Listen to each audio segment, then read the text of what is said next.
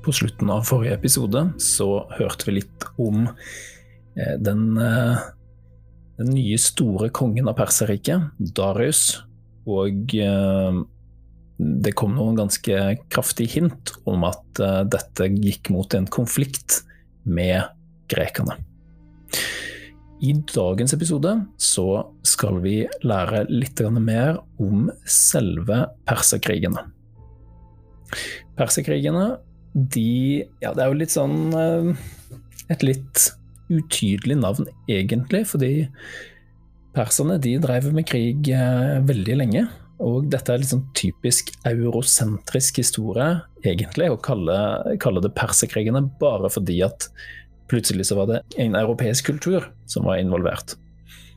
Man kaller, kaller det jo ikke perserkrigene når perserne kjemper mot Lydia eller mot Babylon eller mot Eh, Egypt, eller i øst, i Baktrea, i Sogdiana Altså da, de, de, snakker man nesten ikke om. Men plutselig så er det perserkrigene, bare fordi at Hellas var involvert. Men det er kanskje ikke så rart heller, eh, fordi det var jo nettopp grekerne som skrev om det, eh, sånn at vi har fått vite om det.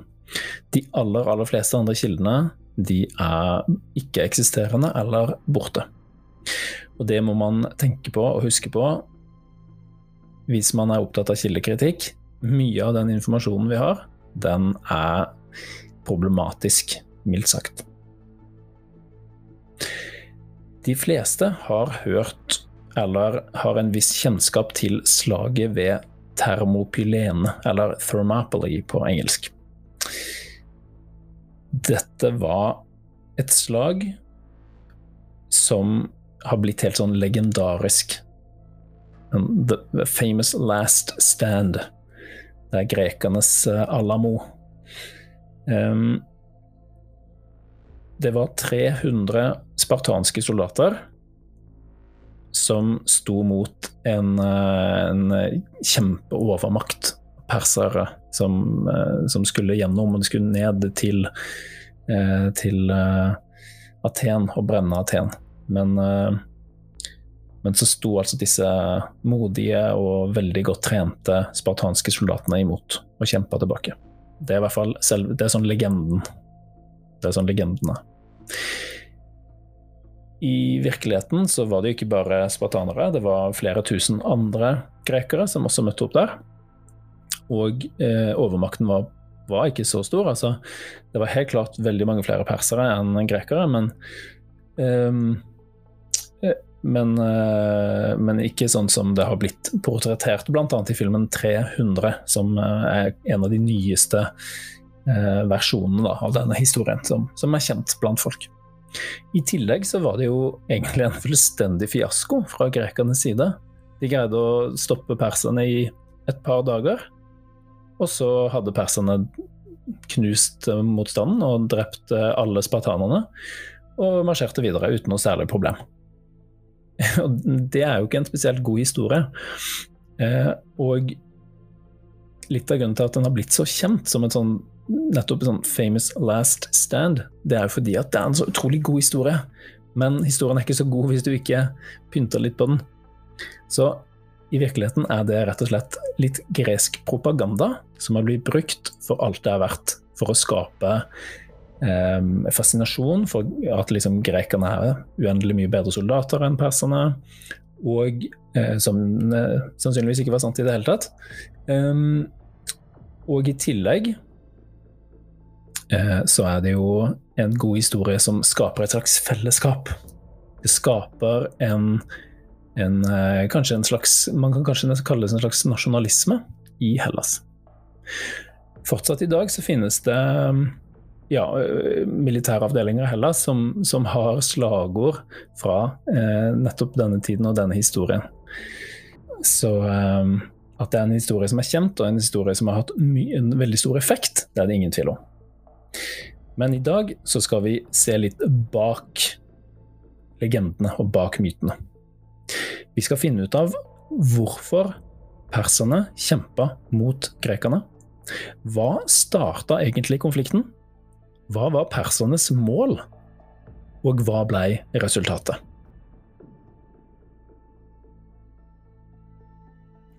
Hvem er så de viktigste personene i denne historien? Vi har jo selvfølgelig et lite persongalleri, og de fem viktigste personene som du bør vite hver med, det er disse. En gresk mann ved navn Aristagoras. Han var en av, eh, i hvert fall ifølge historien, en av de som var mest sentrale i opprøret som er kjent som den ioniske revolt, eller ioniske, eh, det ioniske opprøret. Han eh, kommer fra den greske byen Miletus. Og Miletus det var en del av et persisk satrapi, altså en slags provins i det persiske riket. Det hadde Miletus vært helt siden perserne erobra Lydia, eh, da Kyros den store gjorde det, eh, og tok hovedstaden til Krøsus, da, som var kongen av Lydia hovedstaden hans det var Sardis. Og det er ikke så veldig langt fra Miletus til Sardis. De ligger i det samme området, i dagens vestlige Tyrkia. Eh, det som på den tiden ble kalt for Anatolia. Så mange navn her, mye å holde styr på, men altså Aristagoras, han, han var en pådriver for denne ja, dette opprøret mot Persia.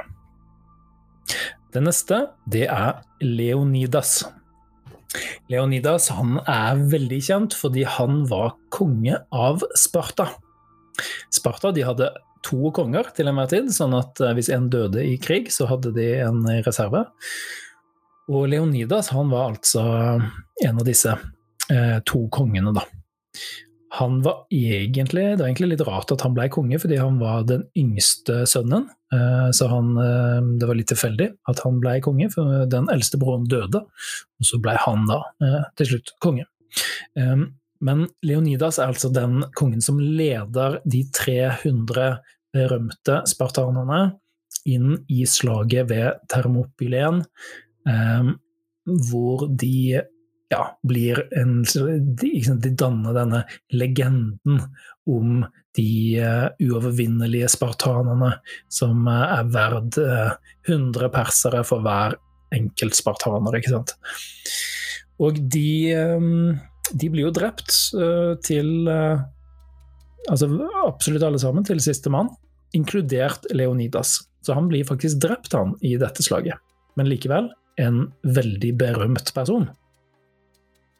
Den neste, det er den persiske generalen Mardonius.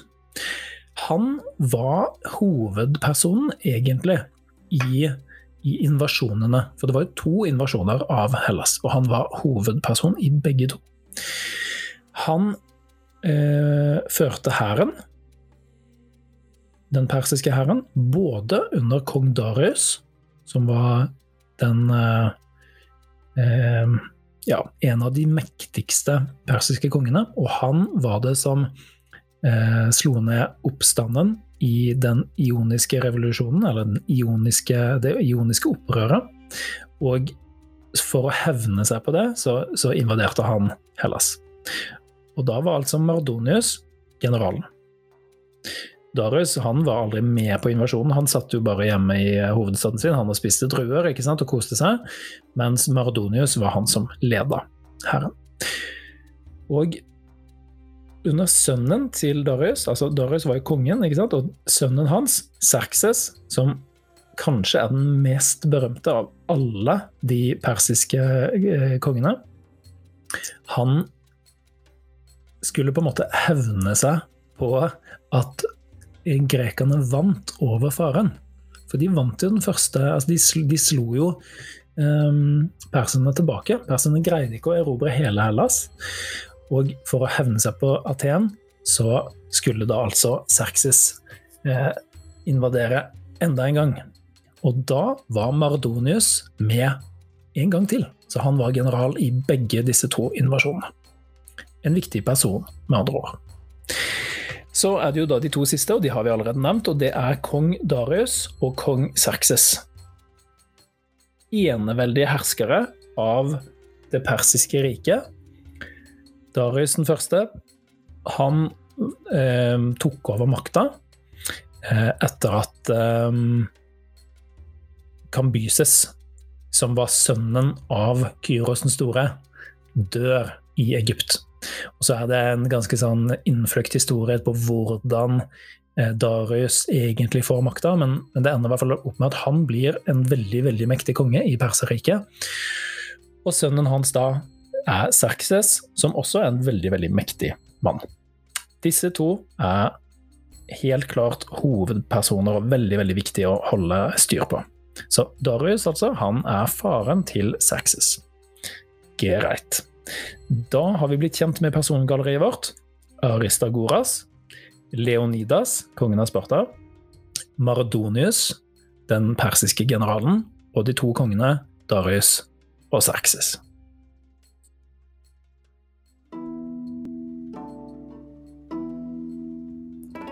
For å forstå denne konflikten så er det viktig å forstå selve naturen til det persiske kongeriket. Perserriket det var et typisk sentralstyrt tributtvelde. Det vil si at de hadde sitt um, hovedområde, som var Persia, og det som vi i dag tenker på som Iran. Og så var alle de andre kongerikene rundt omkring, som fortsatt var en del av Perserriket, det var tributtstater. Og for at en tributtstat skal fungere, så er det et par ting som må være på plass. Eh, for det første så må du, du må ha en veldig sterk sentral makt i form av en konge som kan underlegge seg områder. Enten ved hjelp av frykt, sånn som asyrerne gjorde før perserne, eller ved hjelp av diplomati. Og perserne var mestere i kan man kanskje si begge deler. For de, for de kunne absolutt være veldig grusomme, men de var også veldig flinke til å si eh, Altså gi en god deal. Den pers persiske dealen, det var at eh, Betal litt skatt til oss. Av og til så ber vi deg kanskje om å stille med noen soldater til en krig. Men stort sett så skal du få lov til å være i fred. Du kan holde på med den religionen du vil, du kan ha den styreformen du vil. Hvis du vil ha demokrati, så er det ok. Hvis du vil ha et prestestyre, så er det ok. Hvis du vil ha en konge, så er det helt greit. Det, det driter vi så lenge dere betaler litt skatt til den persiske kongen. Og Derfor var perserne ikke sant? Perserkongen han var kongenes konge, han var konge over de andre kongene. En annen ting som skal til for at en tributtstat skal fungere, det er i veldig stor grad at, at det er jevn ekspansjon. I gode tider med en sterk konge så vil du ofte se at disse statene blir større og større og større. Det var også tilfellet av altså når, du ser på eh, Kina, f.eks., som også er tributt, eh, en tributtstat eh, på denne tiden, og mye senere også, og Romerriket. Det er også en form for tributtstat i stor grad. Um, mens i dårlige tider så ser du at riket det blir mindre og mindre. Det mister kontroll over stater det har hatt kontroll over før. Og Da blir det svakere, for da mister du også skatteinntekter og soldater. Under kong Darius så var Perserriket inne i en veldig god driv. Det blei større og større. Darius han utvida imperiet i, eh, i øst innover i uh, Iran, ned mot Indusdalen i dagens Pakistan og, og, inn mot India. I nord, i dagens Afghanistan, uh, området der, rundt Kaspiahavet. Og oppover i Kaukasus. Men i Kaukasus-området, altså i dagens uh, Georgia og Tsjetsjenia og disse områdene, så møtte han på arvefienden som en gang tok livet av Kyros den store, og det var skyterne. Hvis dere husker skyterne, så er det en slags, en slags fellesbetegnelse på eh, sånn steppefolk, stammefolk fra steppene, som var um, et heste et slags sånn hesteimperium, akkurat som mongolene senere. Og i Amerika, i Nord-Amerika så ble jo comanchene, eh, comanche-stammen, de var en form for skytere i, i nordamerikansk sammenheng, som faktisk hindra ekspansjon vestover i Texas. Altså, USA kom ikke gjennom det området som de kalte for Comancheria, før etter mange mange tiår med blodig kamp. Og Det viser da hvor kraftig en sånn, et sånt steppefolk til hest kan være. Det er nesten umulig å slå dem. eh, og det sleit også Darius med. Så det han gjorde, det var at han skulle prøve en flankemanøver. Dvs. Si, ikke sant, gå rundt og angripe de i ryggen. Men for å komme rundt eh, Kaukasus, ja, da må du gå eh, vestover. Hvis du henter en, eh, et kart nå, ta google Svartehavet, så ser du at veien rundt Kaukasus, det går mot vest. Da må du gjennom det som vi i dag tenker på som Tyrkia, og så over det stredet som blir kalt for Hellesponten, der hvor i dag byen eh, Istanbul ligger. Um, og nordover langs kysten av det som er Bulgaria og Romania og Moldova. Og det var akkurat det Darius gjorde. Han dro over Hellesponten og angrep nordover og inn i Skytia. Og hele dette området det la han under det persiske riket. Og faktisk så var det nettopp det som var grunnlaget for eh, staten Makedonia. Selve stammefolket, stammefolket som utgjorde den makedonske overklassen, de eksisterte allerede. Men de allierte seg faktisk med perserne, og fikk mye hjelp. Og uten den persiske statsmakten så er det nok usannsynlig at eh, Makedonia hadde blitt den mektige staten som det ble eh, bare noen få tiår og hundre år eh, etter. Så det er, det er veldig, veldig viktig element her. Så Makedonia er faktisk eh, på et sett og vis grunnlagt med persisk hjelp. Og det er jo litt ironisk, for det var jo nettopp Makedonia med kong eh, Aleksander den store som ødela det persiske riket. Bare ja, skal, vi si 150 år etter dette her. Så eh, historien er full av eh, litt sånn skjebnens ironi, kan man si. Det som også er litt morsomt, er en liten sånn fun fact, det er at denne kongen som allierte seg med Darius, han het også Alexander. Så der ser du. Eh, liten verden. I alle tilfeller. Hvis du var gresk og satt og så på det samme kartet, da tror jeg at du definitivt ville tenkt på perserne som en veldig truende fiende. Ikke nok med at de hadde tatt bystatene i det vestlige Anatolia, Miletus og disse sant, og disse andre bystatene der, men nå sto de helt på dørstokken til selve Hellas, på fastlandet i Europa. De hadde tatt Makedonia, og de hadde en gigantisk eh, tilstedeværelse med, med, en stor flåte, med en stor hær, rett i det samme Altså rett i nabolaget. Det er naboen din, liksom. Det er selvfølgelig en, en stor trussel. Så grekerne de, de, så definitivt på perserne som en potensiell fare for gresk kultur. Så det var ene, det ene grunnlaget for konflikten.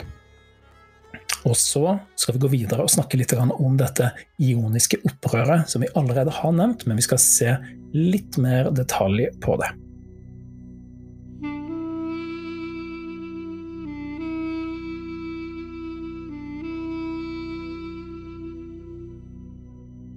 Og det er nå vi skal introdusere den andre superstjerna vår. Eh, dagens eh, ja, dagens persongalleri, der var førstemann på den lista, det var jo grekeren Aristagoras.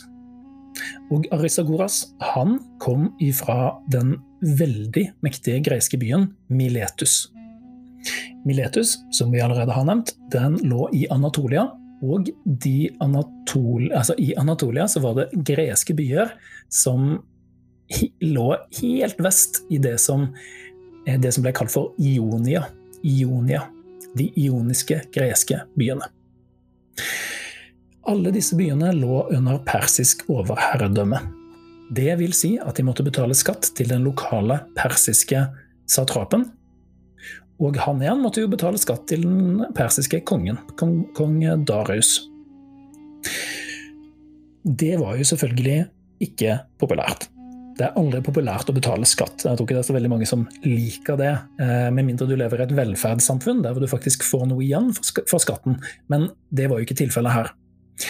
De greske byene her de fikk ingenting igjen for, eh, for den skatten de betalte. Det var ikke sånn at de da fikk et godt helsevesen, at det gikk persisk politi rundt og hjalp de greske borgerne hvis det var noe som skjedde. Det, eh, hvis du brakk armen, så kom du ikke inn på den persiske legevakten og fikk hjelp. Du fikk ingenting igjen for det. Det eneste som skjedde hvis du ikke betalte skatt, var at da, da fikk du en, en, veldig negativ konsekvens. Da ble du straffa. Men du fikk ingenting positivt igjen for å betale skatt. Det var tvang. Så det var selvfølgelig ikke populært. I tillegg til det så var disse byene styrt av eh, det som ble kalt for eh, tyranner. Eh, det var da rike greske borgere. Og som akkurat nevnt, så var jo Perserriket et tributtsamfunn. Så, så lenge de fikk skatt fra eh, de ioniske byene, så brydde ikke de seg om, eh, om, at, eh, om at, det var tyranner som styrte. Og de tyrannene, de, de, det, det, var et negativt ord. At det var folk som undertrykte befolkningen. Og de var jo da alliert med perserne, fordi at perserne de, de syntes det var helt ok at disse tyrannene styrte, så lenge de fikk skatten sin. Så perserne de var interessert i stabilitet. De ville ikke endre verken religion eller styreform. De ville ha forutsigbarhet. Så lenge skatten kom inn hver måned, så var de fornøyd. Men folk i Miletus, de var ikke fornøyd. Og Aristagoras, han, han var en sånn eh, type som eh, holdt taler og eh, ikke sant, Flammende appell på torget fikk folk til å bli mer misfornøyd, snakka negativt om disse greske tyrannene, og til slutt så greide han å piske befolkningen inn i et slags sånn rasende eh, sinnstilstand som førte til et stort opprør. Og dette opprøret det spredde seg til de andre ioniske byene, og det førte faktisk til krig. De greske byene her de hadde eh, noe som altså, noe som blir kalt for en milits. En milits, veldig kort fortalt, det er helt vanlige folk som har våpen hjemme, og som møter opp og danner en militær avdeling. Altså ikke en profesjonell avdeling som øver på krig, men de har våpen hjemme, og de kan slåss litt. Eh, du kan sammenligne med det norske heimevernet. Det er folk som øver litt på krig og har våpen hjemme. Og hvis noe skjer, da møter de opp. Så det er en slags milits.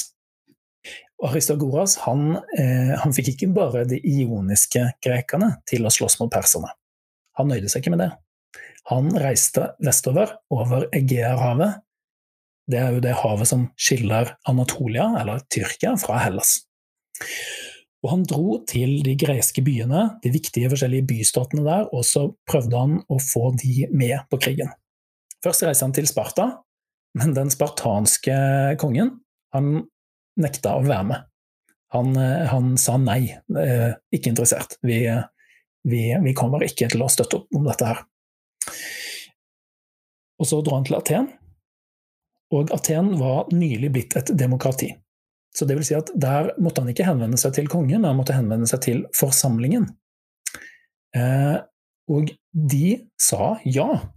Så fra Aten så kom det noen skip med soldater. Problemet var at det var altfor få. Så de sendte jo en, en bitte liten avdeling med, med utrente soldater, egentlig, for å støtte opp mot et, en slags sånn bondeopprør, eller en militsopprør, med, med ikke-profesjonelle soldater, som liksom skulle, skulle ta den persiske hæren. Og de hadde jo aldri noen sjanse. Perserne var fullstendig overlegne, og etter ikke så altfor lang tid så knuste eh, den persiske satrapen dette opprøret. Og det sier jo ganske mye om hvor overlegne perserne var. Og Darius han, han gjorde jo ingenting. Han, han, satt, eh, han satt, vel i, eh, i, hovedstaden sin og uh, spiste druer, ikke sant? Mens han lot den lokale satrapen ordne opp i dette her. Og det gjorde han uten noe problem. Um, Miletus, som var den største greske byen i Anatolia, den ble veldig hardt straffa. Og størstedelen av befolkningen der ble sendt som slaver til det persiske riket. Så vi har tidligere sagt at eh, perserne ikke drev så mye med slaveri, og det var jo fordi at de, det var ikke en, en hov, i hovedsak en slavestat, men at det fantes slaver i Perserriket, det gjorde det selvfølgelig. Og den miletiske befolkningen den ble sendt som slaver til eh, et område litt sånn um, ja, øst for, um, for dagens Irak, som heter Elam. Det har tidligere vært nevnt. Eh, det var der elamittene kom ifra. Og um, ja, orden, ro og orden ble gjen, gjenoppreist, og perserne vant. Problemet var at Darius han, han ble litt irritert på, på disse fastlandsgrekerne.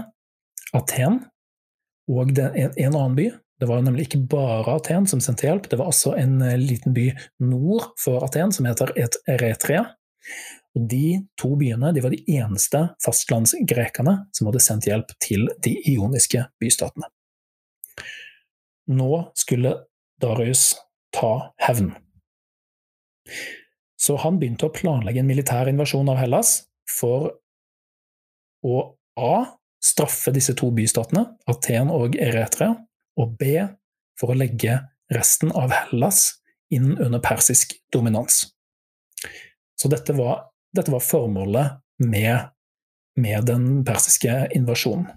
Det var altså en delt straffeekspedisjon eh, og et, en plan om å legge under seg resten av Hellas, men aller helst med diplomatiske virkemidler. Det var ikke sånn at perserne nødvendigvis ville bruke militærmakt for å få til dette.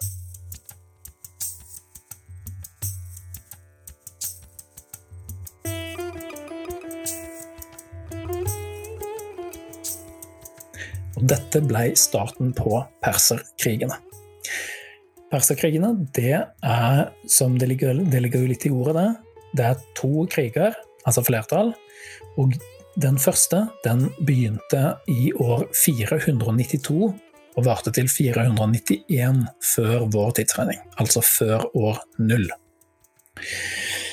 Og den begynte med det samme som eh, Darius hadde gjort eh, tidligere. Når jeg sier Darius nå, så er det jo sånn at han var ikke med på den krigen. Han bare planla den, og så sendte han andre for å gjøre det. Så han var faktisk ikke med i det hele tatt. I stedet for så hadde han generalen sin, som er en av de viktige personene fra persongalleriet, nemlig general Mardonius, som er tidligere nevnt. Han invaderte langs land, og i tillegg hadde han en stor flåte som fulgte hæren langs kysten. Dette er egentlig ganske avansert militærteknologisk, for vi, så vidt jeg vet i hvert fall, har ingen andre referanser til denne kombinasjonen av, av maritim og landbasert krigføring. Eh, det er mulig at det finnes noen referanser i Kina, f.eks. Det kjenner jeg ikke til, men, men, i hvert fall i en europeisk og eh, altså en europeisk sammenheng, så, så, eh, tror jeg ikke det finnes noen eldre tilfeller av at man har denne typen kombinasjon samarbeid mellom flåtestyrker og landbaserte militærstyrker. Så er avansert eh, militærteknologisk og veldig vanskelig å få til. Men det gjør jo at hæren kan forflytte seg mye friere, fordi de støttes av skipene. Så det vil si at eh, på skipene så har de jo masse mat og hester og utstyr. Så i stedet for at det må fraktes over land, så har du det til sjøs. Så det er veldig viktig.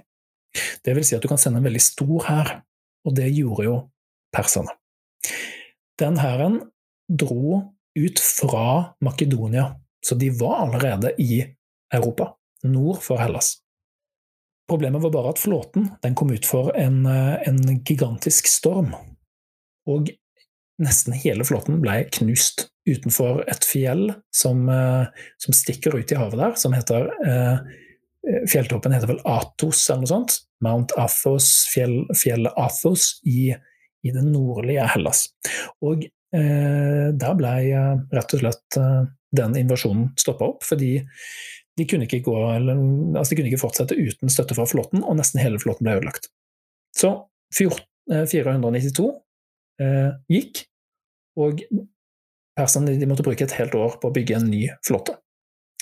Likevel så sier det ganske mye om kapasiteten til perserne. Herodot skriver at det var snakk om flere hundre skip som ble ødelagt. Det er jo helt vanvittig å kunne miste så mange skip og tusenvis av soldater og, og sjøfolk. Og så, du, så, er du så mektig, du har et så stort imperium, at du kan bare knipse i fingrene, og så kan du gjøre det samme en gang til året etter. Hvis noe tilsvarende hadde skjedd med en gresk bystat, så hadde de vært, hadde de vært ferdig. De kunne ikke ha bygd opp Flåtten flåten engang. Eh, og, og eh, ja, altså det, det, det, det, sier veldig mye om den enorme militære kapasiteten i det persiske riket. Så 491 kommer, altså et nytt år, og Mardonius reiser ut på nytt. Denne gangen så går de for en litt annen taktikk. De reiser i stedet for rett over havet og inn i Hellas. Grunnen til at de kan gjøre dette, her, er at de har brukt det året som har gått, ikke bare til å bygge nye skip, men de har brukt det på diplomati. Så de har sendt utsendinger til alle de greske bystatene og bedt om en sånn symbolsk gave jord og vann.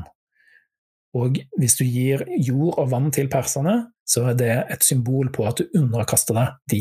Du anerkjenner at Darius er kongenes konge, og du får lov til å styre, og han lar deg være i fred så lenge du betaler skatt til han, og du blir en del av det persiske riket. Og det er veldig mange greske stater som sier ja, spesielt i det nordlige Hellas. Generelt så kan man si at hele det nordlige Hellas de blir en del av det persiske riket de underkaster seg. Mens det sørlige Hellas, inkludert Aten og Sparta, de sier nei. Og det vil si at invasjonen går rett på det sørlige Hellas. De går i land ganske nærme byen Eretrea, og hvis dere husker tilbake til ioniske, eh, det ioniske opprøret, så var det jo Eretrea og Aten som sendte soldater mot perserne. Og nå kommer hevnen. Eretrea blir fullstendig lagt i grus. Enkelt og greit. De blir knust. Og så kommer neste mål, og det er Aten. Aten er jo den mektige og demokratiske byen som kanskje, i hvert fall nå, er den mest kjente greiske byen av alle. Og nå kommer da slaget ved Maraton. Slaget ved Maraton det er dokumentert, eh, men det er dokumentert av greske kilder, så det er egentlig ganske usikkert hva som skjedde. Disse kildene er jo litt upålitelige. Um, I tillegg så har jo det blitt brukt som propaganda i veldig stor grad, både av Aten og Roma og mange andre både mennesker og stater seinere. Derfor er det vanskelig å fastslå hva som egentlig skjedde. Det vi kan fastslå, det er at perserne tapte. Dette var altså et landslag. Det sto på land. Det var mellom den persiske hæren og den greske, atenske hæren. Eh, altså det, det, fantes jo ingen gresk hær, for det, Hellas var ikke et land. Men eh, eh, Aten var en gresk by, og den atenske hæren den beseira da denne eh, persiske hæren. Det førte jo til at eh, Persen ikke greide å brenne Aten, eller å eh, beseire de i kamp. Og dette ble da slått opp som en stor seier for hele Hellas. Men var det egentlig det? For hvis du ser på persernes målsetning for denne første invasjonen, så er det ikke like klart. Punkt A det var å straffe eretere. Det greide de helt fint. De brant den byen ned til grunnen. Eh, punkt B det var å straffe Aten. Det klarte de ikke. Punkt C det var å, gjenopprette å gjenerobre provinsen Trakia. Eh, Trakia det er det området som ligger rett vest og nord, nordvest for um, dagens eh, Istanbul og tidligere Konstantinopel. Um, for det området det mista de under den ioniske um, ioniske krigen, da, i kampen mot de ioniske bystatene. Og dette området det greier de å ta tilbake. I tillegg var målet å gjenerobre Makedonia, som de også mista i samme perioden, og det greide de også. Så eh, kommer vi til punkt F. Det var nemlig å erobre det nordlige Hellas. Enten ved militærmakt eller med diplomati. Og det greide de også. Punkt G det var å erobre det sørlige Hellas. Det klarte de ikke. Og så det siste punktet, det var altså eh, Ja, nå har jeg hoppa over den ene bokstaven, men punkt E, da. Det var å ta flere av de viktige øygruppene i Egeerhavet. Og det greide de også. Som dere husker, så seilte jo flåten rett over Egeerhavet og stoppa underveis og tok alle disse viktige øyene. Og de blei da persiske. Så hvis du ser det fra et persisk standpunkt i stedet for et gresk standpunkt, så greide jo faktisk perserne å oppnå fem av syv viktige målsetninger. Det høres ikke ut som en fiasko, eh, fra mitt standpunkt i hvert fall. Eh, og jeg tenker jo at det er en veldig eurosentrisk, dvs. Si at man har fokus på Europa. Liksom at eh, Man tenker på at det er det som er viktig for Europa, som er viktig for historien. Eh, det er en eurosentrisk historiefortelling å påstå at perserne tapte denne krigen.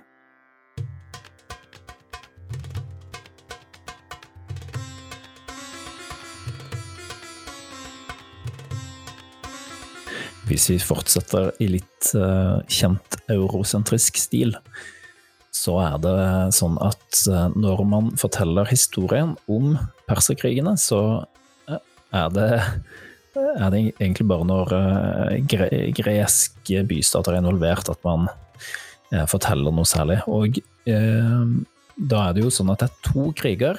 Den første går over bare to år, fra 492 til 491 før Kristus, og den andre er da eh, Den starter ca. elleve år etter, eh, i 480 før Kristus. Men hva skjer egentlig i mellomtida? Der er det jo elleve år som, i, eh, som er veldig viktige. Men eh, de hører man ikke så mye om, eh, hvis ikke grekerne er direkte involvert. Så jeg tenkte å ta en liten recap av hva som egentlig skjer i den perioden. Darius, kongenes konge, kongen av Persia, kanskje en av de viktigste persiske kongene, han dør av alderdom. Ganske kort tid etter den første, første persiske krigen, den første krigen mellom eh, hovedsakelig Aten og Persia. Um, men han har jo ordna ganske greit, han. Han uh, har sørga for at uh, Serkses, som er en av hans sønner, han skal ta over, uh, ta over krona. Men så er det jo sånn at i, i ja, i monarki, som dette må sies å være, så er det jo ofte sånn at den tronfølgeperioden kan være ganske kaotisk, f.eks. hvis du har flere sønner. Da vil kanskje mange av de krangle om hvem som skal eh, ta over trona.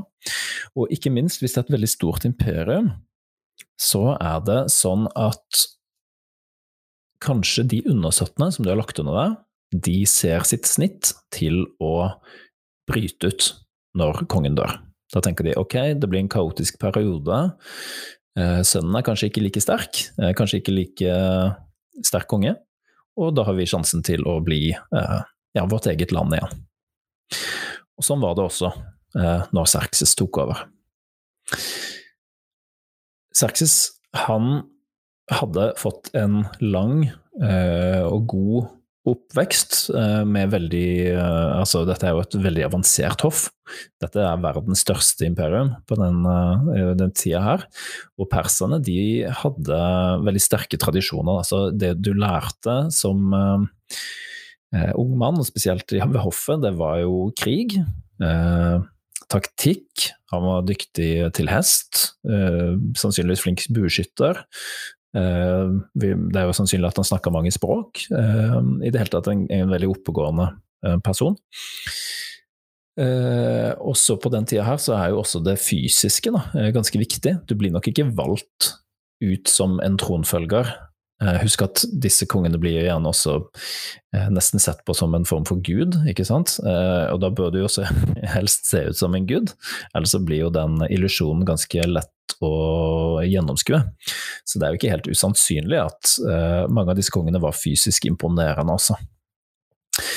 Um, i vestlig historiefortelling så har Serkses ofte blitt sett på som en, en ondskapsfull og, eh, og, despotisk enehersker da, som måte, undertrykker undersåttene sine og er ja, eh, ikke en bra person. Mens i Persia så blir han ofte sett på som en av de bedre kongene de hadde. Han regjerte også ganske lenge, ca. 20 år, eh, og i denne perioden var det veldig, altså en god og stabil tid inne i Perserriket. Men det begynte ikke sånn. Hans regjeringstid begynte med et opprør, eller mange opprør. Eh, og de største var i Egypt og i Babylon. Eh, hvis vi husker tilbake til eh, Asyria, så var jo Egypt og Babylon alltid vanskelig å, styre, holde kontroll på.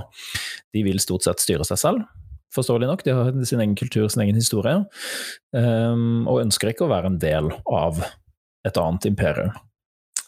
Men når de da bryter ut i, i opprør, så slår han det ned eh, med hæren sin. Eh, veldig, veldig brutalt.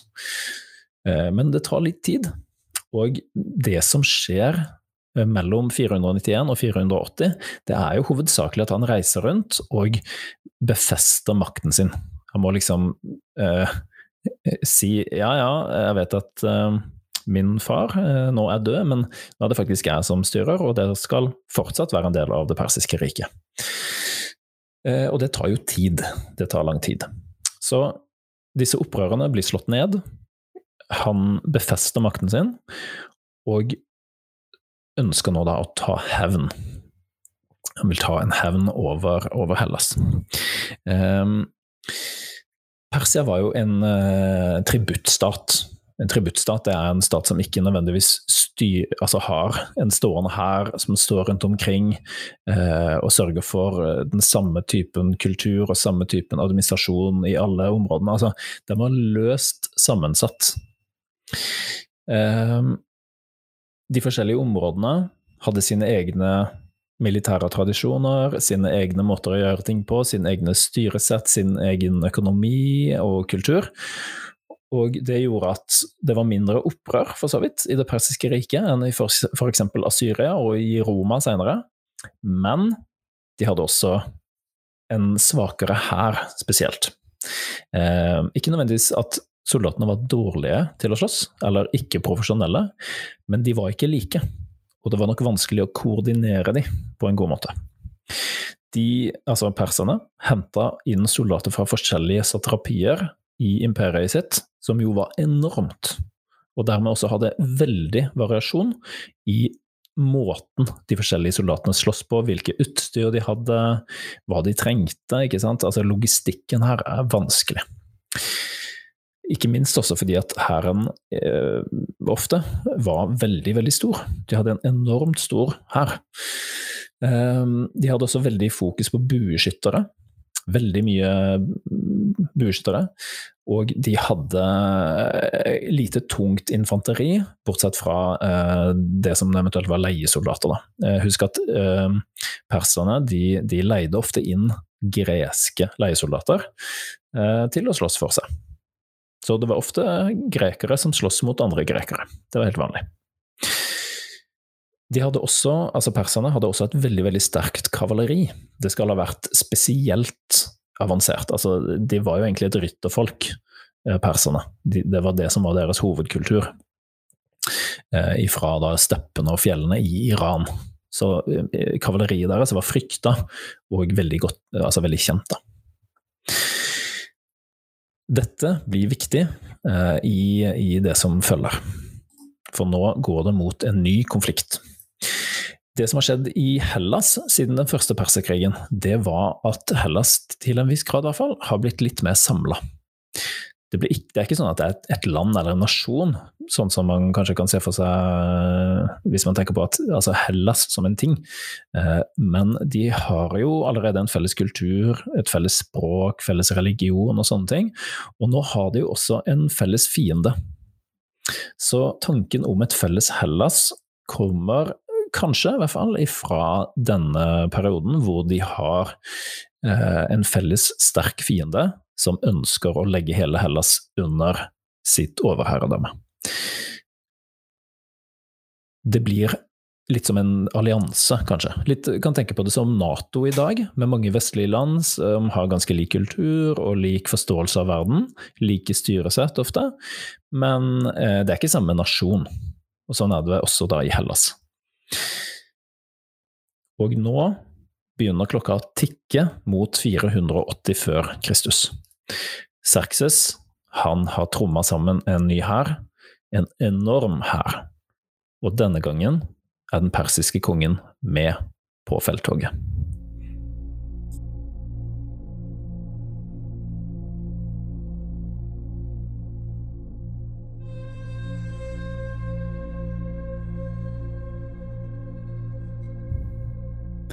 For grekerne, som hørte om denne enorme hæren som nærma seg Hellas, så må det ha vært som uh, Footsteps of Doom som nærmer seg. Det er altså snakk om ja, altså moderne estimat på hæren. Det at den kan ha vært så stort som, som 80 000 til 120 000 soldater. Det er helt sinnssykt mye. Uh, i, i, Herodotus sin, sin, sin, fremstilling så er det jo snakk om en million soldater, ikke sant? og det er nok ikke mulig. Det er rett og slett ikke fysisk mulig å holde en så stor konvensjonell hær samla på et sted, hvis du skal tenke på at de må ha mat, de må ha våpen, de må, de må ha et sted å bo, og de skal forflytte seg. Det blir for vanskelig, rett og slett. Det vet man jo fra, eh, fra militærhistorie. Så det er usannsynlig at det stemmer, men at det var en ekstremt stor hær, det, det er nok tilfellet. Og som nevnt så var Serkses med. Altså gudekongen, kongenes konge, han var med i front og leda hæren. Eh, og Det er en litt artig historie, for eh, altså de skulle jo krysse over da, fra Asia til eh, det som, altså det som, vi tenker på som Asia, til, til Europa, eh, ved Hellesponten det er en liten, uh, altså en liten kanal, en liten uh, altså der hvor, der hvor Svartehavet går over til Egeerhavet og treffer Middelhavet. Det, det, det, tynne, lille stredet der, det kalles Hellespanten. Det var der de kryssa over. Og uh, for å komme over der, så, så bygde de først en en slags bro over uh, båtene. Altså De satte båter uh, tett i tett, og så bygde de en bro over sånn at man skulle kunne gå over. Men så kom det en storm og ødela denne broa. Så for å straffe havet så Det er i hvert fall en historie. Da, så, så tar Serkses en pisk og han fremstiller seg selv som en gud, ikke sant? Og ofte så blir jo naturfenomen knytta til guder, så hvis en stor bølge kommer og ødelegger eh, eh, båtbroa di, så er vel det på en måte et slags tegn fra gudene om at eh, eh, gudene ikke støtter deg, ikke sant. Men hvis du da selv er en gud, sånn som han fremstilte seg selv, så er det jo på en måte en slags konflikt mellom to guder. Den, den persiske guden og havguden, den greske havguden, Poseidon. Og da tar Serkses en pisk, og så går han ned til vannkanten, og så pisker han havet. Og straffer havgudene for at han tør å sette seg opp mot den persiske overmakten. Det er jo en ganske, en ganske heftig ting å gjøre, og det er jo et, eh, en interessant historie, i hvert fall. Jeg synes det er litt morsomt. Eh, I hvert fall så kanskje det fungerte det, fordi eh, den andre gangen de forsøkte, så funka det fint. De setter da en enda mer solid bro over Hellesponten. Broa bygges på disse persiske skipene som ligger side mot side. Og det er langt over, selv om det er det smaleste punktet, men det er, det er jo ikke bare fem meter, liksom. Det er langt. Og eh, det er nok hundrevis av skip da, som ligger der. Og så går rett og slett hæren over, tørrskodd over til, til Hellas. Og dette dette kan jo grekerne se. de, de, er jo der. Det er jo greske byer der. Er, de må jo ha blitt livredde når de ser denne persiske herren som nærmer seg, og som gjør umulige ting. Eh, altså Det er jo en helt utrolig ting å kunne bygge en bro på den måten. Altså Det er en avansert militær taktikk og en logistisk, eh, et logistisk mesterstykke. Da. Den persiske hæren krysser altså over til Hellas. De har som mål å brenne Aten til, eh, til grunnen. Og for å stoppe dem, så kommer dette slaget ved Termopylene, eh, hvor eh, spartanske soldater, bare en liten avdeling, ca. 300 eller noen hundre, prøver å stoppe dem. I tillegg så er det noen borgere fra et par andre byer. Eh, men ikke profesjonelle soldater. Da. De prøver å stoppe den persiske hæren. Og i legenden om de 300 spartanske soldatene, så går jo det kjempeflott. Og de, de stopper den persiske hæren og dreper ikke sant, titusenvis av, av persere og greier nesten å stoppe dem, men så blir de forrådt. Og og så tar perserne og angriper de bakfra, og ja eh, De dør en heltemodig død. Mest sannsynlig, i virkeligheten, så så, så funka det ikke helt sånn. Eh, de kjempa sikkert tappert, de, men de greide bare å stoppe perserne i et par dager, og alle ble jo drept. Så det gikk jo ikke egentlig så bra. Men, men den historien er jo ikke like kul da, hvis du fremstiller det på en litt mer realistisk måte. I alle tilfeller så marsjerer i praksis, da, eh, perserne bare rett gjennom dette forsvaret. De knuser den greske motstanden og kommer til Aten. I Aten så gjør de rent bord. De plyndrer byen. De brenner den ned til grunnen ødelegger den stort sett helt. Men de eh, atenske borgerne de har flykta. Så det er ikke sånn at Atens befolkning blir knust. De overlever. Eh, og de har satsa, i stedet for å bygge en stor landhær, så har de bygd en kjempestor flåte. Og det har jo perserne også. De har en enda større flåte, og den følger jo hæren langs land ikke sant? De har blitt gode på sånn amphibious uh, warfare, der de har en flåte på havet. En stort sett fønikiske skip. altså Fønikerne er jo dette handelsfolket um, fra dagens Libanon og Syria, det området der. Og disse fønikiske skipene de følger da den enorme persiske hæren som går langs land. Men det som skjer, det er slaget ved Salamis.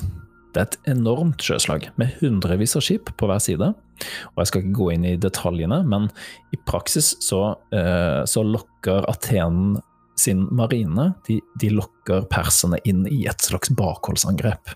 De blir lukka inne i en bukt ved Salamis, det er da et sted, og de beseirer eh, den persiske flåten. Så nå er den persiske hæren redusert til bare noen, sannsynligvis noen få skip, men fortsatt en kjempestor hær på land. Og Serkses han drar eh, tilbake til Persia etter dette. Han får nok med seg denne, ja, en slags fiasko, i hvert fall det, tapet mot, uh, mot Aten. Men eh, regner vel med at altså, de har knust Aten eh, i et slag, og da, da er vel mer eller mindre sånn mission accomplished. ikke sant? Han regner med at hæren skal gjøre jobben ferdig, ta resten av Hellas ferdig. Så han drar tilbake til hovedstaden sin, sikkert i Persepolis eller eh, lignende. Tilbake til Perse. Han lar general Mardonius, denne kjente generalen som også var med i den første persiske krigen, han lar han bli igjen for å gjøre seg ferdig med grekerne. Det kommer et nytt slag. Da vinner perserne mot Aten. Men så kommer resten av den eh, greske på en måte alliansen inn. Det sørlige Hellas, med Sparta i spissen, de marsjerer nordover med en ganske stor gresk hær til et sted som heter Platea. Og ved Platea så blir det et enormt og blodig slag. Perserne møter nå den største spartanske hæren som sannsynligvis noen gang har vært samla. Og de har med seg tusenvis av andre greske soldater også. Husk at spartanerne er jo profesjonelle soldater. De, er, de har store skjold. De er profesjonelle krigere. Det er det de gjør. De er ikke bønder som av og til slåss. De er kun soldater. Det er det de gjør. Og både spartanerne og de andre greske soldatene, som blir kalt for hoplitter eh, Hoplos det var navnet på det store, runde skjoldet som de typisk hadde. Så en hoplitt det var altså en fotsoldat med langt spyd og kort sverd og et sånt eh, stort, rundt skjold. Disse fotsoldatene de hadde hvis du ser for deg eh, den klassiske eh, leken stein, saks, papir, så hadde de på en måte saksen til persernes papir. Perserne pleide ofte å vinne slag. De hadde papir som liksom omslutta steinene da, til alle de andre. ikke sant? Men når de møtte greske soldater, så var det tilfeldigvis sånn at grekerne, de, deres måte å kjempe på, den passa perfekt mot det, mot det persiske De persiske bueskytterne og det persiske militæret i det hele tatt. Den greske saksa knuste den persiske papir, eh, papiret. Grekerne eh, de vinner slaget ved Platea. De knuser den persiske hæren. Og Mardonius blir drept. Etter dette her eh, så, så, blir på en måte den, den persiske hæren faller fra hverandre, og de, de flykter tilbake og går i oppløsning. Og etter dette, eh, denne, dette nederlaget da, så mister Persia en del av områdene som de har vunnet i, i Hellas, og også helt vest i Anatolia, dagens Tyrkia. Og eh, i praksis da så er den, denne, denne andre persiske krigen slutt.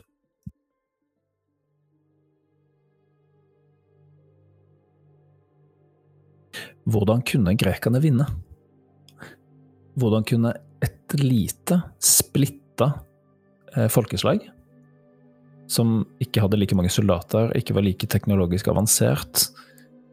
Hvordan kunne de beseire den overmakten som var det persiske imperiet? Ja, det er jo flere gode grunner til det, egentlig, og det er heller ikke så veldig uvanlig i historisk sammenheng. Hvis du skal prøve å sammenligne det med noe, så er kanskje eh, ja, krigen i Vietnam, f.eks., eller krigen i Afghanistan nå nylig, ikke så dårlige sammenligninger. Det er Begge eh, en totalt underlegen eh, altså en, en, totalt underlegen eh, en gruppe, egentlig. Eh, enten hvis du tenker på Vietcong eller Nord-Vietnam, eller da eh, Taliban i Afghanistan. De er totalt underlegne Eh, det amerikanske militæret, som angriper både i Vietnam og i Afghanistan. Men likevel så er det den amerikanske overmakten som taper. Man finner den lille kryptonitten. Man finner svakheten til fienden, og så utnytter man den. Og det er jo det grekerne også gjør. Um, antall soldater for eksempel, I den persiske hæren det var jo soldater som ble henta ut. og De måtte kjempe langt vekke fra det området de kom fra. Eh, de var dårlig koordinert, sannsynligvis. Ikke fordi at eh, ledelsen nødvendigvis var dårlig, men, men de var forskjellige typer soldater. De snakka kanskje forskjellig språk, de hadde forskjellig utstyr. De, kunne, de var ikke vant til å kjempe sammen. Mens grekerne de har høy motivasjon. De ønsker å forsvare sitt land. De, de forsvarer jo sine familier, sin by, det blir noe helt annet enn å kjempe for penger et helt annet sted. Du har ikke den samme motivasjonen for å vinne. Eh, og så er det jo antall soldater. Da, ikke sant? Den gresk, nei, persiske hæren er veldig stor, mens den greske hæren ikke nødvendigvis var like stor, men samtidig så er jo ikke sant, Hva er en gresk soldat? Ja, det er jo hvilken som helst person. Det er jo bare borgere som tas ut, og så får de et skjold og et spyd, og så er de da plutselig soldater. Så de, de fikk jo også en faktisk ganske stor hær. Det var jo da ikke profesjonelle soldater, men har du et spyd, så er du jo en soldat. Og dermed så hadde de faktisk en overraskende stor hær til å være et lite område. Fordi vanlige folk ble gjort til soldater. så er det jo også det elementet med forsvar mot angrep. Det er jo eh, veldig mye vanskeligere å angripe enn å forsvare seg. Hvis du forsvarer, så kan du vente. Du kan velge hvor du vil slåss. Eh, så du kan velge et område som passer deg, ikke sant. Og du har en veldig mye enklere forsyningssituasjon. Perserne de var avhengig av å frakte mat over et kjempestort område frem til hæren sin, mens atenerne og spartanerne og de andre greske bystatene de, hadde, de, de kjempa jo der de bodde. De hadde jo mat og forsyninger der de var. Så det er eh, en veldig eh, altså en undervurdert ting, egentlig, eller i hvert fall ekstremt viktig i militærhistorie og militær forståelse. Det er forsyning. Fortsatt i dag, hvis du skal sammenligne med moderne konflikt, så er jo det forsyningssituasjonen det er noe av det vanskeligste med det å drive krig. Soldater må ha mat, de må ha klær, de må ha utstyr. Eh, de må ha et sted å sove. ikke sant? Og Hvis du ikke har det, så funker det ikke. Da vil de ikke kunne krige effektivt. I tillegg så det siste elementet som jeg nevnte litt i sted, og jeg nevnte et par ganger, det er det at den persiske hæren var ikke uniform. De var ikke like, de var ikke samtrente nødvendigvis, fordi at de kom fra så mange forskjellige steder. Og det kan ha vært en, en grunn til at de var vanskelig å få til å fungere som en enhet, og spesielt når den er så stor. Det er snakk om 100 000 soldater som snakker forskjellige språk. Det er vanskelig. Konsekvensen av dette her er en slags historisk splitt. Persia de fortsetter jo eh, for seg selv. Dette får egentlig ikke nødvendigvis så store konsekvenser i det persiske riket. Serkses blir ikke kasta som konge, han fortsetter som konge, han. Eh, og, og, styrer Persia i mange år til. Eh, og det går helt fint. Um, de mister noen av de områdene helt vest i, i Anatolia, men det har nok ikke noe særlig stor konsekvens for det persiske riket. Dette er tross alt en liten provins. Det er snakk om, det er egentlig mer eller mindre ubetydelig eh, sånn økonomisk eh, for, for det persiske riket. Det er klart at det er et, et hakk i lakken for Serkses. Det hadde vært bedre om han vant for han, men eh, det får ikke enorme konsekvenser i det hele tatt. Eh, det samme skjer jo på en måte i Hellas. De, de fortsetter sin eh, separate eh, utvikling. De blir ikke underlagt Persia. Det definerer de veldig tydelig som greske. Sannsynligvis så får de jo en veldig stolthet over å ha beseira en stor overmakt. ikke sant? Litt på samme måte som i Norge under andre verdenskrig, at man får en veldig sånn Vi er nordmenn, og vi skal stå imot overmakten, og vi er stolte og nasjonalister og ikke sant, hele den pakka der. Um, Sånn var det nok også da i Hellas. Men det som også skjer, det er at eh, de ikke blir samla som en nasjon. Det er jo, det, det er jo den, altså de, disse forskjellige bystatene. ikke sant? Du har Sparta og Teben og eh, Aten og eh, alle disse forskjellige bystatene. Og de, etter krigen, etter at de ikke egentlig har noen ytre fiende lenger, så glir de litt ifra hverandre. Og mye av grunnen til det er nok at disse små konfliktene mellom de greske bystatene de blir eh, hausa opp av Persia. Persia bruker sin største styrke, og det er ikke soldater, det er penger. De betaler i tida etter den, disse perserkrigene, så betaler de de eh, greske statene for å kjempe for hverandre. Det vil si at de f.eks. finansierer militæret og marinen til til de forskjellige bystatene, og sørge for at de har mulighet til å kjempe mot hverandre. Det er litt det samme som man gjør i moderne krigføring også. Eh, F.eks. Eh, når, når, Sovjetunionen angrep Afghanistan på slutten av 70-tallet, i 79. Hvem var det som finansierte motstanden mot Sovjetunionen i Afghanistan? Jo, det var amerikanerne. De ga våpen og utstyr til de, til de afghanske motstandsgruppene. Det samme i Norge under andre verdenskrig. Hvem var det som ga våpen og trening til Max Manus og gutta på skauen? Ja, det var Storbritannia. Og i, uh, i uh, Vietnam så var det Kina og Sovjetunionen som ga utstyr til Vietcong og Nord-Vietnam for å kjempe mot amerikanerne. Så dette er helt vanlig, og sånn var det også Spart, uh, altså Sparta, som kjempa mot Aten Eh, de var jo litt venner under perserkrigene, men etterpå så blir det en stor krig mellom Aten og deres allierte mot, mot Sparta og deres allierte. Og da er det sånn at Sparta de får masse penger og støtte ifra perserne. Og det som skjer til slutt, det er at Sparta vinner denne krigen. Den blir kalt for Peloponneserkrigen, eh, fordi at den skjer på en sånn halvøy som heter Peloponnes. Og Sparta de vinner, og de ødelegger Aten. De brenner den ned. De, de, går så langt som at de eh, ødelegger disse olivenlundene. Som, eh, altså hogger ned oliventrærne, og det er jo basisen for handelsvelstanden da, til Aten. Og hvis de ikke har oliventrær lenger, så har de heller ikke olivenolje, og da har de ikke noe å handle med.